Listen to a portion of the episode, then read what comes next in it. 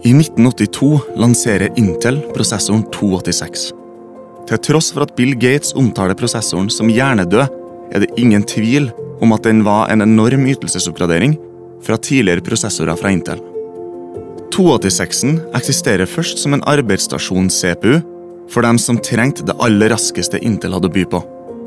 Senere finner prosessoren fotfeste i forbrukermarkedet og som en billig CPU for familien til han rare ungen i klassen som du ble med hjem den dagen fordi han hadde PC, i håp om at du skulle få spilt Doom.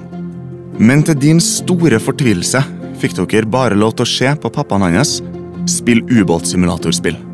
For PC var for voksne, og hvis barn fikk spill, kom vi bare til å ødelegge kampanjen hans. Han var admiral. Ikke i virkeligheten, altså, men i spillet. Det var stort, kunne fortelle oss. 286-en kunne gjøre så mangt, men den kunne nok ikke spille Doom. Velkommen til Retropodden.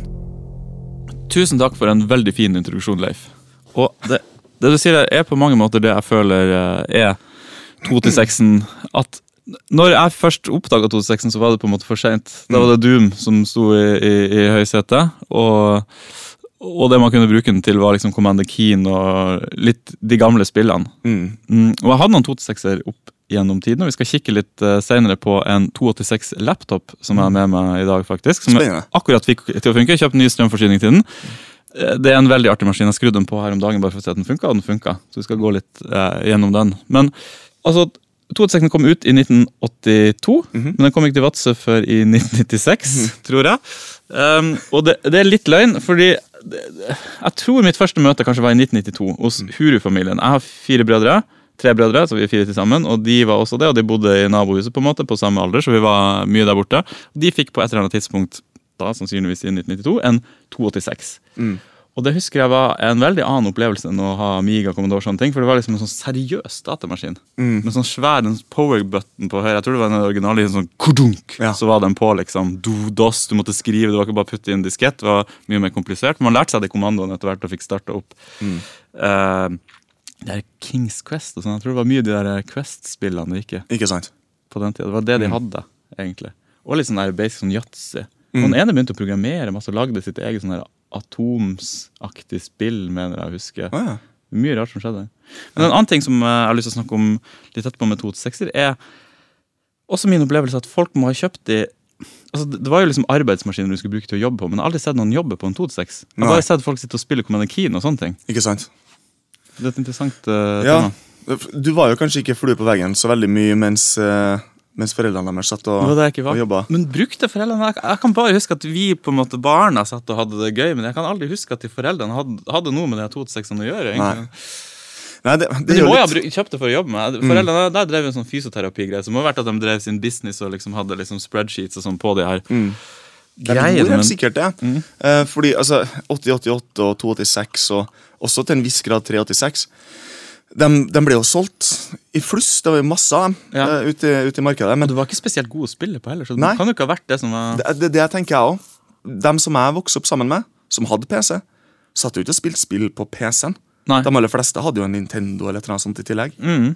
Men når fikk du oppleve din første 286? Vi, eh, familien min, arva en 286 av eh, en eh, vennefamilie som hadde ganske flott datautstyr hele veien. Så når, når, dem eh, hadde, liksom når deres gamle stasjon ble for alvor avleggs, da fikk vi bare den. Og det var en 286. Og da, det her kanskje si 94 da, rundt der en, en, et sted, da var vi også helt, eh, helt eh, innforstått med at det var en ekstremt primitiv PC, så vi hadde med på hytta. Jeg satte den opp hjem til bestemor, og så satt der og spilte Commander Keen på Mm. når du får på besøk hos bestemor Ja, ja, ja. for, han å gjøre. Det Ja, lap- laptop. Ja. For ikke å sitte ved kaffebordet og bare høre på foreldrene satt og prata. Så satt vi der og spilte Commander Keen og PC-speaker og, og alt det grann der. Syns det var fryktelig morsomt. da. Um, men det var jo etter at vi hadde satt og spilt Superfrog på Amigaen og Lotus og Mm, de ordentlige spillene, liksom. Ja, ja, ja. Mm. Spillespill. Mm. Uh, så selv om Commander Keen var morsomt, så var det allerede da liksom en kuriositet. Først lanseres 286-en i 4, 6 og 8 MHz, og senere i 10 og 12,5. Når Intel omsider flytter fokus over på 386, bestemmer de seg for å ikke lisensiere produksjonen av 386 til tredjeparter som AMD, Texas Instruments og Harris. Så de her produsentene fortsetter å holde liv i plattformen med 16, 20 og 25 MHz. Og det ble sagt at Harris sin 25 MHz 286 var raskere enn den tilsvarende klokka 386 S6. Til tross for at den ble lansert først, ble 286-en designa etter 386. Men 386 ble rett og slett et for intrikat og dyrt produkt, så 286-en ble lansert som en erstatter for å holde markedet varmt frem til 386-en var klar for stor produksjon. Det der synes jeg var veldig interessant å høre, Leif. Fordi jeg husker jo, I back in the days så var det alltid mye konspirasjonsteorier om at de satt på teknologi som de ikke hadde sluppet ennå. Oh, ja. Det var alltid det der Regjeringa hadde liksom egentlig sånne heftige greier. Og her gjelder det jo. Altså, Ja. Intel satt på 386, men det ble for kronglete og det ble for dyrt å liksom drive og slippe den på markedet, så de hadde laget en slags mellom 286. Uh, Ja. så, så alle de konspirasjonsteoriene er rett. Det stemmer. ja, det er det, det man skal ta med seg her nå, at alle konspirasjonsteorier er korrekt. ja, riktig. Ja.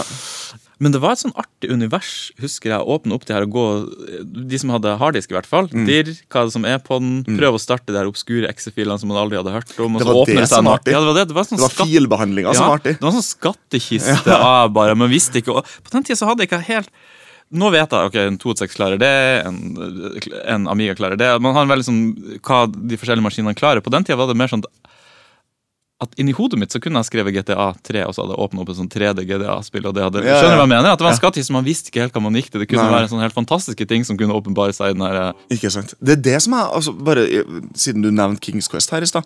Det er det som alltid har vært litt styrken til de spillene for min del òg. De som har bare en sånn text parser, der det ikke er point og klikk. Da jeg var liten og satt og spilte de spillene, så følte jeg alltid at det var en helt uendelig verden. Jeg kunne i prinsippet skrive hva som helst, og så kunne det skje noe. Så det var liksom ekstra spennende. Og litt sånn var DOS også. Ja. ja, det var det. Mm. Eh, Det var mye rare kommandoer man aldri hadde lært seg. Og i hvert fall når du dirra deg rundt i katalogene der. Ja. Alle filene du kunne finne. Også hvis, hvis du var så heldig, heldig å komme over en, en maskin som hadde eh, et, Norton? Commander? Ja, Norton Commander eller et eller annet sånt. Så du, var det veldig enkelt å gå inn og, og begynne å redigere Norton Commander var et slags grafisk grensesnitt i DOS, Ja. kan man si det? Ja. Og Norton, Er det den samme Norton som har lagd virusprogrammer i ettertid? Man tror det, Det må det være. mye på. Ja. Ja, kanskje noe annet. Mm. Ja, for da, da kunne vi gå inn og lett sånne folk som meg, som ikke Mm. kjente til DOS noe særlig, kunne gå inn og redigere uh, AutoExec-BAT og config Mm. og de filene der. Og bare virkelig, virkelig uh, kneble en DOS-PC fullstendig, da. Ja. Du, vet du hva, Nå kom jeg på en uh, ting. Da min bror ble konfirmert og kjøpte Pentium 75 i gave, og da var jeg på leirskole når det, den kom i posten. husker jeg, visste den kom, Og så kom jeg hjem fra leirskole. Da kom jeg liksom midt på dagen hjem fra leirskolen mens alle andre var på skolen. Så da satte jeg meg ned foran den, for da tenkte jeg nå skal jeg prøve det her Doom som jeg har hørt så mye om. Og så skjønte jeg ikke hvordan jeg skulle starte det. hele tatt, Fordi det var, han hadde bare DOS. Oh, ja. Og hadde bare opp, opp, det hadde jeg liksom var vant med hva DOS var hos de Huru-folkene. Jeg hadde egentlig aldri lært meg de kommandoene, så jeg bare satt der og skrev Doom. Doom 2 endte liksom på Jeg prøvde å skrive tilfeldige ting rundt Doom i håp om at det skulle starte. Det startet, Ja. Jeg satt sikkert i to timer og bare skrev sånne kommandoer. Ja. ja, det var ei spennende tid. Mm. det kan være lett å glemme at maskiner med 286 på et tidspunkt i den fjerne fortid var et monster av en maskin. Da den tok over for 8086, eller kanskje den litt mer populære 8088, var det et kvantesprang. For dem av oss som har prøvd å klemme litt underholdning ut av en 8088, er det til å få hakeslepp av. Microsoft Flight Simulator er et godt eksempel.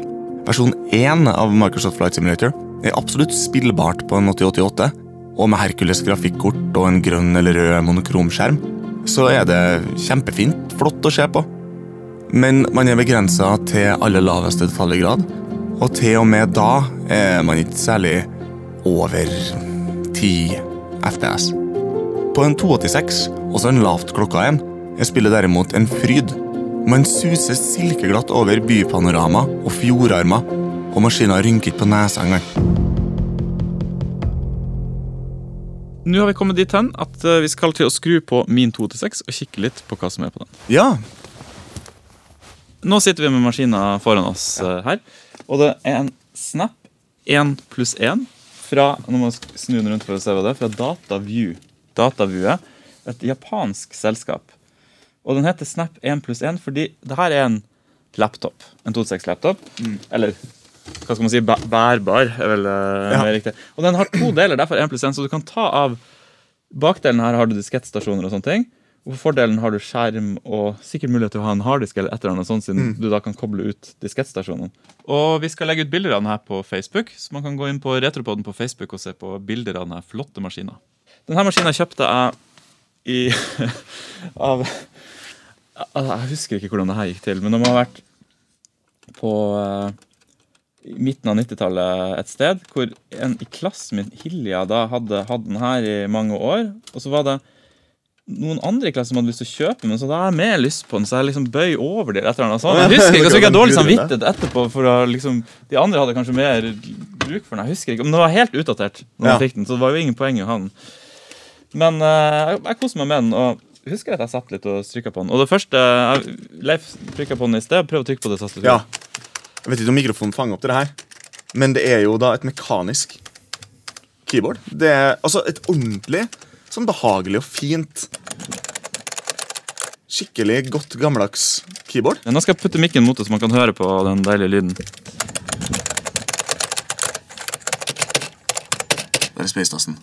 Det er et fantastisk deilig keyboard, og en veldig digg maskin, egentlig. Så det er jo en luggable. Du, du kan dra den med deg. Du kobler bare inn strømmen. Den har også et batteri, eh, som jeg ikke har, så jeg vet ikke hvordan det funker. Men den skal i teorien kunne gå på batteri. Det er to diskettstasjoner på den, som gjør ganske praktisk. Mm. I hvert fall når det ikke er en harddisk inne. For det er ikke en harddisk inne? Nei, det er jo mulighet for å ha det, men det er ikke det. Så vidt jeg vet. Inn Eller det er ikke det. Ja, Faen, har du det? Ja. Det hadde vært fantastisk, for da masse sånt, en uh, 20 megabits, megabytes, liggende. 20 megabits disk inni den, så hadde man jo hatt en kjempelaptop. Da kan man begynne å jobbe. Flir hele veien til banken. Skal vi se, Da skal vi prøve å skru på. Uh, ser du power? Der er den. ja. Og ingenting skjer. Dødt. Faen.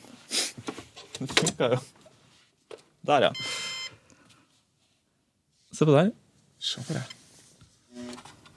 Den her. her eh, så det er en switch her nede hvor man kan velge eh, kontrasten i displayet. egentlig. Ah. Så Hvordan type display er det her? Hva heter det her for noe? Ehm, det er jo et sånn her amber uh, monokromt uh, display.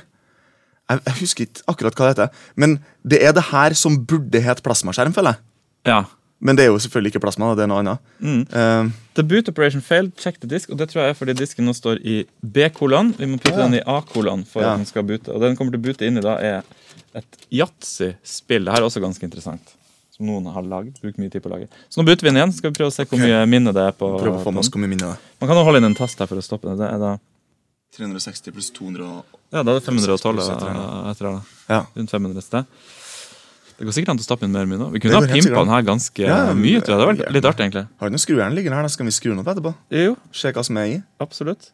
Jeg har, vært, jeg har drevet og skrudd oppi der uh, før, og Ja. det er utrolig fint. Um, for den er jo ganske tight pakke på en måte for å få stappa inn en 26. Mm. Og det er veldig fint sånn håndverk inni der, hvordan alt bare akkurat passer inn. Sånn som Apple-maskiner liksom alltid har vært flink på. Ikke sant? Ja, Japans design. Det er veldig sånn der eh, ingeniørkunststemning når du, når du åpner den og kikker inn i den. Mm. Så nå starter den MS-DOS, og der starter en Ramsoft sitt yatzyspill. Se her, ja. Og det som er litt utrolig, er at denne skjermen har en ganske rar oppløsning. Mm. Linjer, jeg vet ikke hva, hvor mange linjer det er nedover, men det ser ut som en ultra-wide, moderne ultra-wide. Det er rett og slett det er cinema-display. Ja. Og, men det her yatzyspillet passer perfekt inn. Jeg vet ikke om de har gjort noe med å se hvor stor skjermen er og tilpasse etter det. Mm. Og det er noen interessante ting her, og det er at man kan gå på F1. Da får vi se high score. Og da kan vi se her Hilde, som har kjøpt den fra, er der. Og Peder er også der. Så jeg har Ja. sittet og spilt det her spillet, tydeligvis. Yatzy med meg selv, stakkar, oppe på klarte gutterommet i aldri å slå Hilja. Nei, jeg, to, jeg prøvde å spille det når jeg kobla opp sist, og det er ganske vanskelig å komme seg høyt opp. Det er lett i starten, som det er med yatzy, men uh, når du må ha de sekserne og de ikke kommer, Ja. så er ikke det alltid like lett. Nå har vi formatert en uh, diskett Mhm. og putta en DOS. Mhm. Leif hadde med masse disketter hjemmefra, og vi fikk uh, via litt Windows faktisk nå installert DOS, og nå starter DOS versjon 5 på dataen. Det er fantastisk å se. Jeg har bare sett yatzy bli spilt på denne maskinen. Så da må vi gå ut av setupen her. Og da skal vi starte i DOS. Her, ja. Nå er vi i DOS. Deilig. A-kolon står og blinker og koser seg. Det første vi må gjøre da, er å prøve å formatere B-kolon. Og hvordan disk er det som er B-kolonen nå? Det er en tom disk. Ja. Ikke min yatzy-disk. Nei. Ut som yatzy-disken. Og det er jo noe sånn der eksistensielt når man skriver format etter en kolon.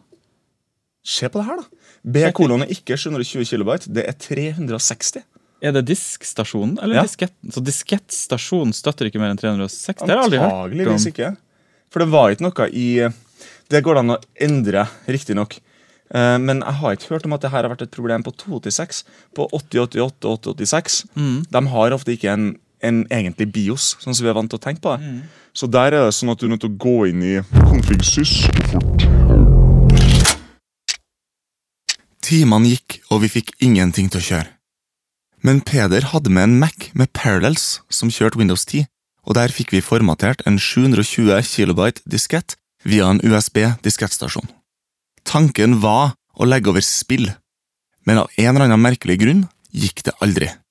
Enten ble det for stort, eller så ble det for mange filer, eller så var det spill som måtte installeres på harddisk. Midt oppi all frustrasjonen begynner det å demre for meg, som hånfull latter fra ei svunnen tid i Vadsø, at Hilja hadde lurt Peder. Det her var ikke en 286, men en 8086 eller 8088. Det første tegnet var at den ikke hadde noe BIOS. BIOS var noe som ble introdusert i 286 for å gi brukerne et enkelt grensesnitt for å konfigurere maskinvaren sin. Jeg har aldri sett en maskin med 286 eller nyere prosessorer uten BIOS, men Peder sin laptop kjørte bare en enkel self-check. Nå er det selvfølgelig mulig at Silja heller ikke visste helt hva maskinen hadde å by på, og som vi vet, hadde 286-en nylig kommet til Vadsø. Det var siste skrik. Hun tenkte sikkert at det var det det måtte være, for det var ikke en Amstrad, i hvert fall. Eh, Så nå sitter vi her, Ja. med hendene i lomma begge to. Mm. Men vi har vært gjennom en annen prosess også, i Ja. mellomtiden, så vi har skrudd den opp for å se litt hva som var inni er der. Og vi filma litt av prosessen og tok noen veldig fine bilder av denne Snap 1 pluss 1-maskina. Så mm. man kan gå inn på Facebook-siden vår når denne podkasten kommer ut, og så se på litt bilder. Eller jeg tror vi kommer til å klippe sammen en liten video av mm. eh, flotte bilder av maskinen. Og vi kan jo si da for så vidt at hvis det er noen som hører på, som har noe kjennskap til denne laptopen, og vet uh, om det går an å koble til en harddisk, Mm. så hadde det vært interessant om de sendte inn en e-post eller skrev noe i Facebook-gruppa. Ja.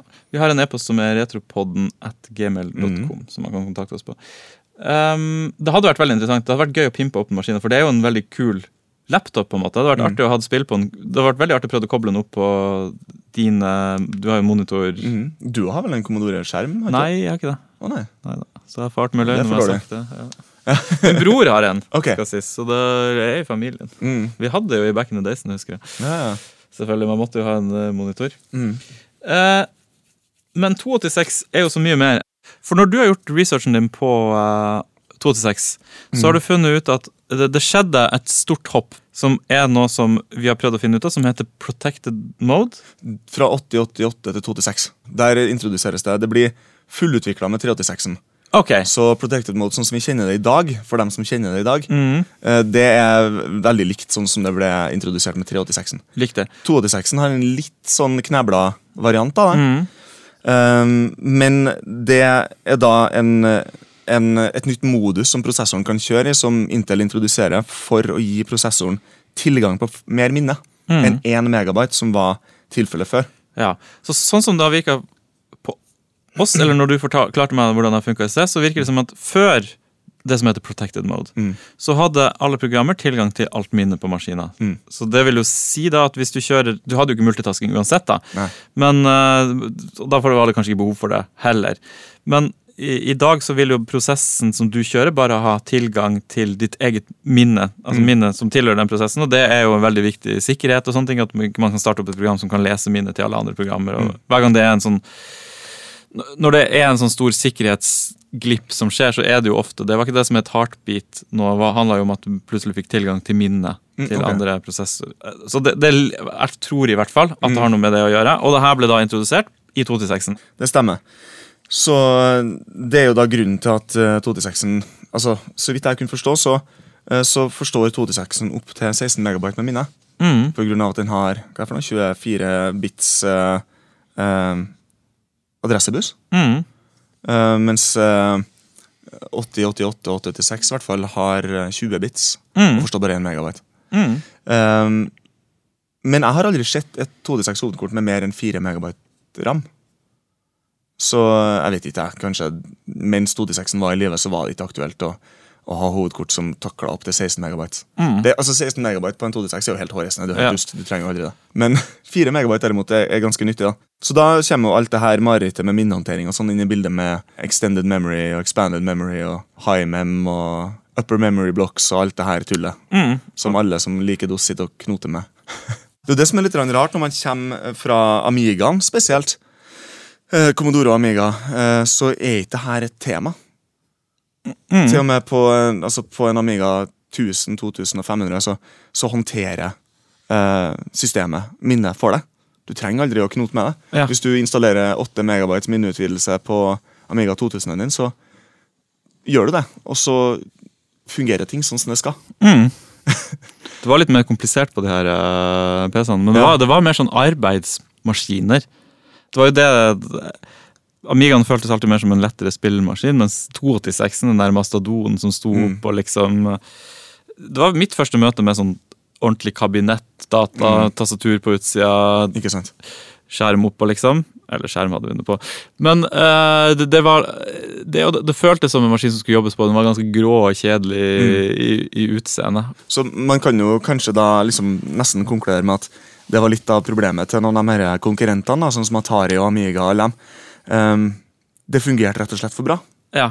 Eh, det var for lite knot. Ja, Når det. du satt der og hamra løs i Configsys, så følte du deg profesjonell. Jeg hadde samme opplevelse når jeg begynte Jeg gikk over på Mac Jeg har vært på Windows, på en måte, og så begynte jeg øh, gikk over på Mac kanskje i år 2004-2005. Da begynte jeg å jobbe på, på skolen der jeg gikk. var det mye Mac-er og sånne ting.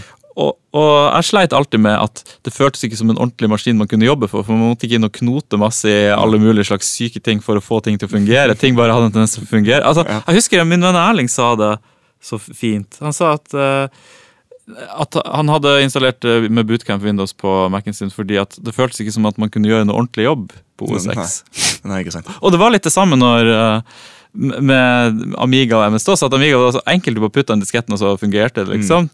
Mens her måtte du inn i DOS og drive og skrive masse kommandoer. Altså Det var profesjonelt. Med introduksjonen av opptil 16 megabyte minne, protected mode, betydelig raskere regnekapasitet og ikke minst 16 bits ISA-buss, blir 286-en grunnlaget for en langt mer fleksibel PC-arkitektur.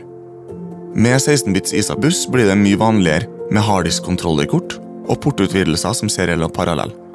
Og hovedkortene kommer nå med en BIOS, som gjør det enklere for brukerne å konfigurere de stadig mer intrikate oppsettene sine. 286 åpner døra for høye oppløsninger, og dermed gjør maskiner mye mer interessant for folk som driver med desktop publishing, CAD og grafikkarbeid. Og samtidig gjør det det mulig å multitaske med OS2, og til en viss grad DOS 4 multitasking og Windows 286. Så 286 byr på en rekke oppgraderinger som gjør IBM-maskinene og klonene deres til veldig attraktive maskiner i omtrent ett år før Atari ST og Amiga 1000 kommer ut. Og Amigaen spesielt tørker jo seg, som vi alle sammen vet, i ræva med en 286. Og koster omtrent halvparten av det en IBM 286 gjør. Men som Peder sier, og jeg siterer Hvis det ikke bråker noe jævlig, og er et mareritt å konfigurere, hvis man ikke må sitte og loke rundt i minnekonfigurering, så er ikke en profesjonell PC. Og der ser det ut til at det mesteparten av businessmarkedet var enig med han. Vet du hva, Det henger igjen i dag. Ja. Fordi veldig mange i produksjonsbransjen liksom, som bruker Altså Mellomrom er jo noe alle operativsystem støtter. Mm.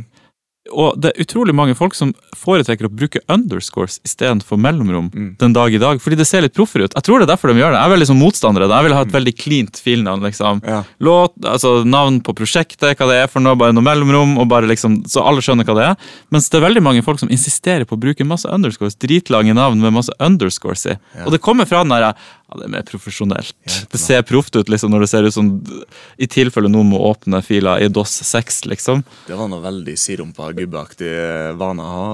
Jeg kjenner du, til- kjenner du ikke til det? Nei, det er veldig mange i produksjonsbransjen liksom, som bruker underscores. Det okay. Jeg har lagd en artig applikasjon en gang som eh, het The Professional Filenamer, som gjorde det for deg. Du kunne bare skrive inn et filnavn, og så bare putte han inn masse underscores, som var sånn her rev 123 okay. format vav, liksom. Ja, jeg skjønner. Mm.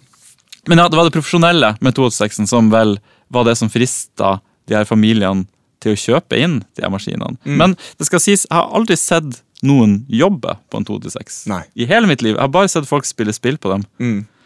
Eh, det må jo ha vært kjøpt inn med en tanke om at det skulle gjøres jobb. Mm. Men uh, hvis noen noen gang har sett noen gjøre en jobb på en 286, så kunne jeg godt tenke meg å sette et bilde av det. Ja. Det sterkeste sånn spillminnet for meg på DOS, det er Jones in the Fast Lane, Mm. egentlig.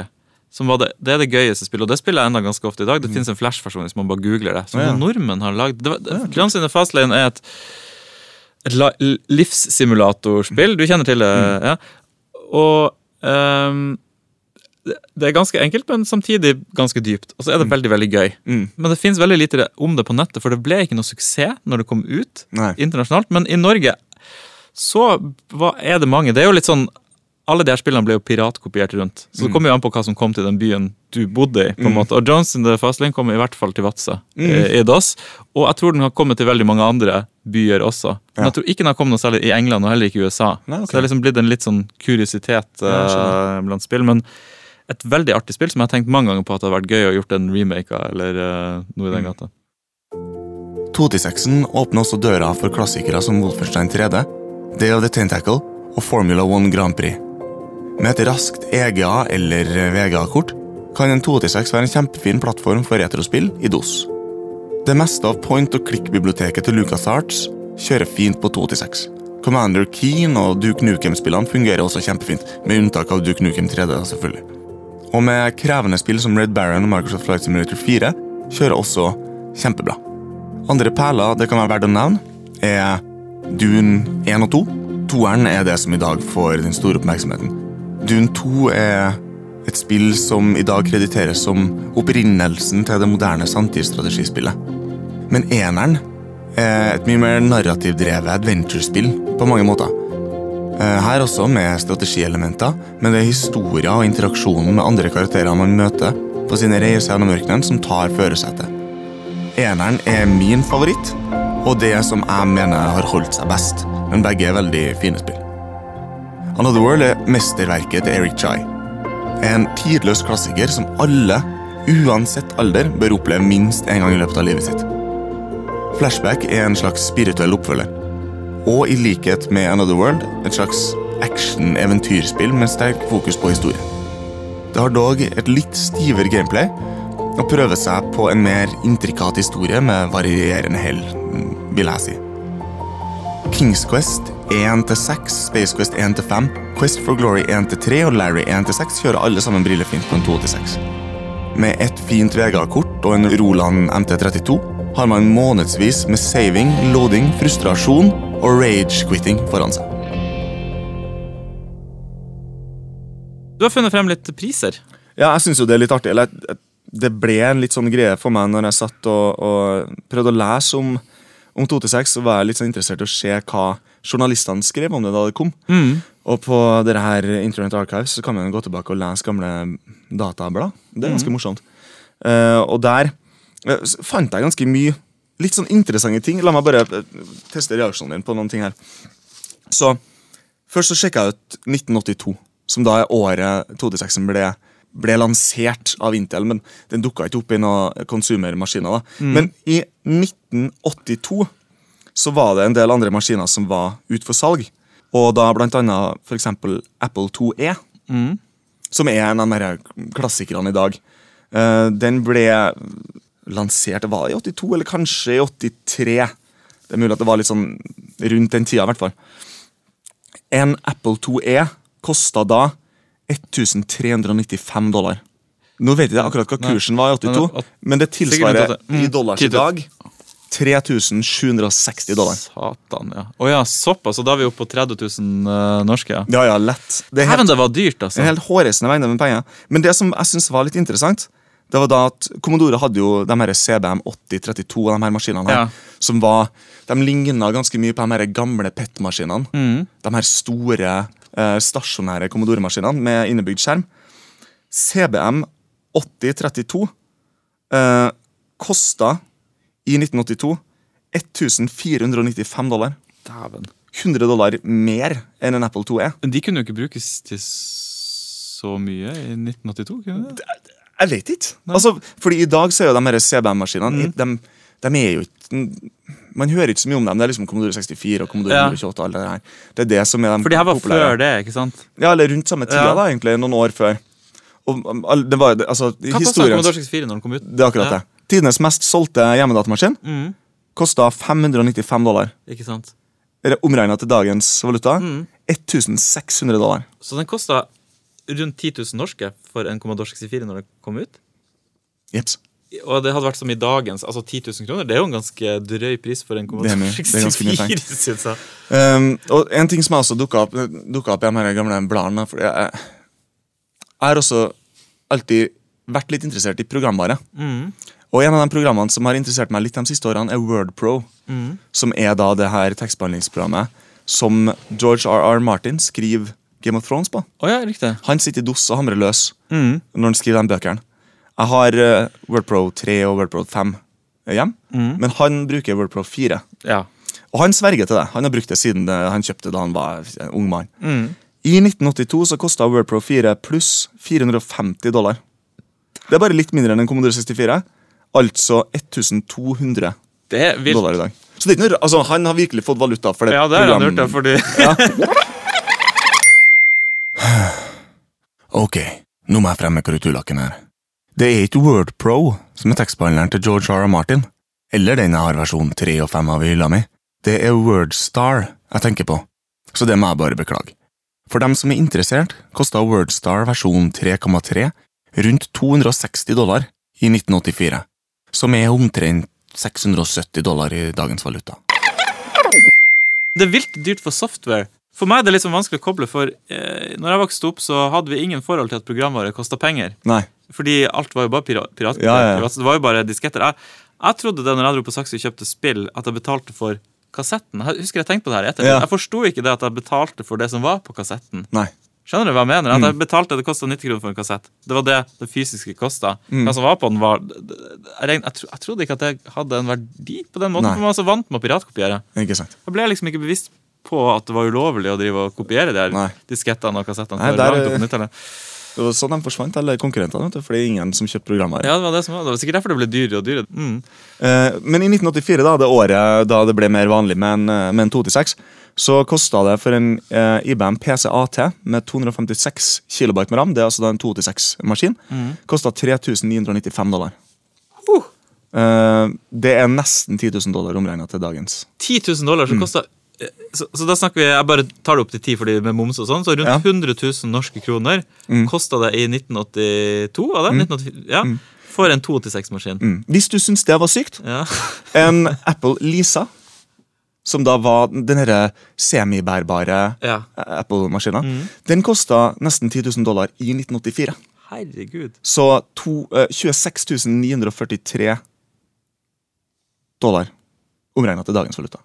26 000 Så den kosta 250 300 000 norske kroner for. Yep. en, for en Lisa-maskin. Helt, Det var helt eh, bananas. Ban- Det det- det er jo et helt annet marked du selger til enn det du holder på å selge til i dag. Eller hvem er det som Hvordan bedrift hvor- hvor- Hvem har råd til å kjøpe Nei, det? liksom? Verdens rikeste mann, liksom. På den tida her så gikk jo, altså den Teknologien ble jo avleggs mye fortere enn en det i dag. Ja. Jeg sitter jo på en, på en seks år gammel laptop nå og Ja. jobber helt fint. det er ikke noe problem det hele tatt. Men på den tida her, seks år etterpå, så var det jo helt det, var, det her var jo helt nesten ubrukelig. Mm. Um, Det er også en, en maskin som dukka opp ganske mye i de her gamle bladene, er Commodore SX64. Som er den bærbare Commodore 64-en. Mm. Som er, har blitt en sånn kuriositet i dag. da. Eh, og den kosta 995 dollar.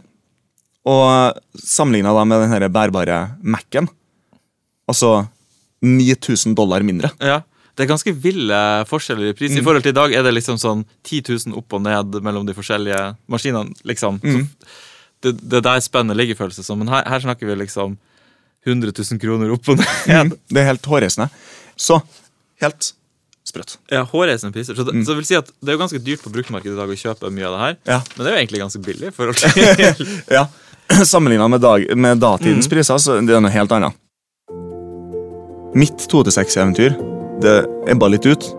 Vår 2-6 endte opp hos min eh, største storebror. Han brukte den eh, en del og satt og programmerte og leka seg litt med. Men så fikk jeg høre om en kar fra en kompis av meg som eh, tok på seg oppdrag om å putte inn PC-harddisker i Amigas. Jeg hadde en Amiga 1200 som jeg brukte ganske mye, og var veldig misunnelig på denne kompisen min som ikke bare hadde harddisken sin, men også minneutvidelse. Jeg spurte han om ikke han kunne høre med han her bekjenten sin, om han kunne ordne det for meg. Så det skulle han gjøre. Og han sa til meg at hvis du får tak i en gammel PC og sender meg Omegaen din, så skal jeg ordne det. Og det gjorde jeg. Så gikk det ukevis, og jeg hørte aldri noe tilbake fra han fyren. Til slutt så ble jeg ganske utålmodig, og så sa jeg at jeg vil bare ha tilbake tingene Mm. Og så kunne han fortelle meg at jeg hadde ikke fått det til, og det burde jeg jo altså, Jeg burde ha skjønt det. De her gamle P altså, Harddisken i en 286 er jo gedigen. Eh, og får aldri plass i en 1200. Og da jeg fikk tilbake eh, maskina mi, så fikk jeg ikke tilbake 286-en. Eller skjermen. Eller tastaturet. som, som tilhørte den 286-en. Eh, det, det sa han det hadde han bare pælma. Eh, For en fyr! og så 1200-en min, eh, der hadde lyden slutta å fungere. Så jeg mistenker at han tok ut hovedkortet av 1200-en og satte inn noe gammelt ræl hovedkort som han hadde sjøl. For en type. Det her er det verste, det verste av menneskeheten Mm. du har vært borti her. Det er rimelig horrible greier. Ja. Er man helt sikker på at dette har skjedd, eller er- kan det ha vært at lydkortet slutta å funke? Altså lyden slutta å funke transporten? Det kan jo selvfølgelig hende. Men, men du mistenker aller mest at han har vært så ond at han har bytta ut ditt hovedkort med et som ikke fungerte? Jeg tenker I og med at han, med at han hadde så lite Ja, det er det jeg tenker. Ja, det, det, det viser til en slags mangel på empati. Ja. Det å hive, det å hive den 286-en. Kjenner du han i dag? Altså, han kompisen min mm. som kjente han fyren, han kjenner jeg veldig godt. Vi er gode venner den dag i dag. Og han Jeg har jo snakka med han om det. Jeg snakker om, om altså, jeg snakker med han om det med jevne mellomrom. For det her, det gjorde så inntrykk på meg at, at det er noe som jeg bearbeider den dag i dag. Mm.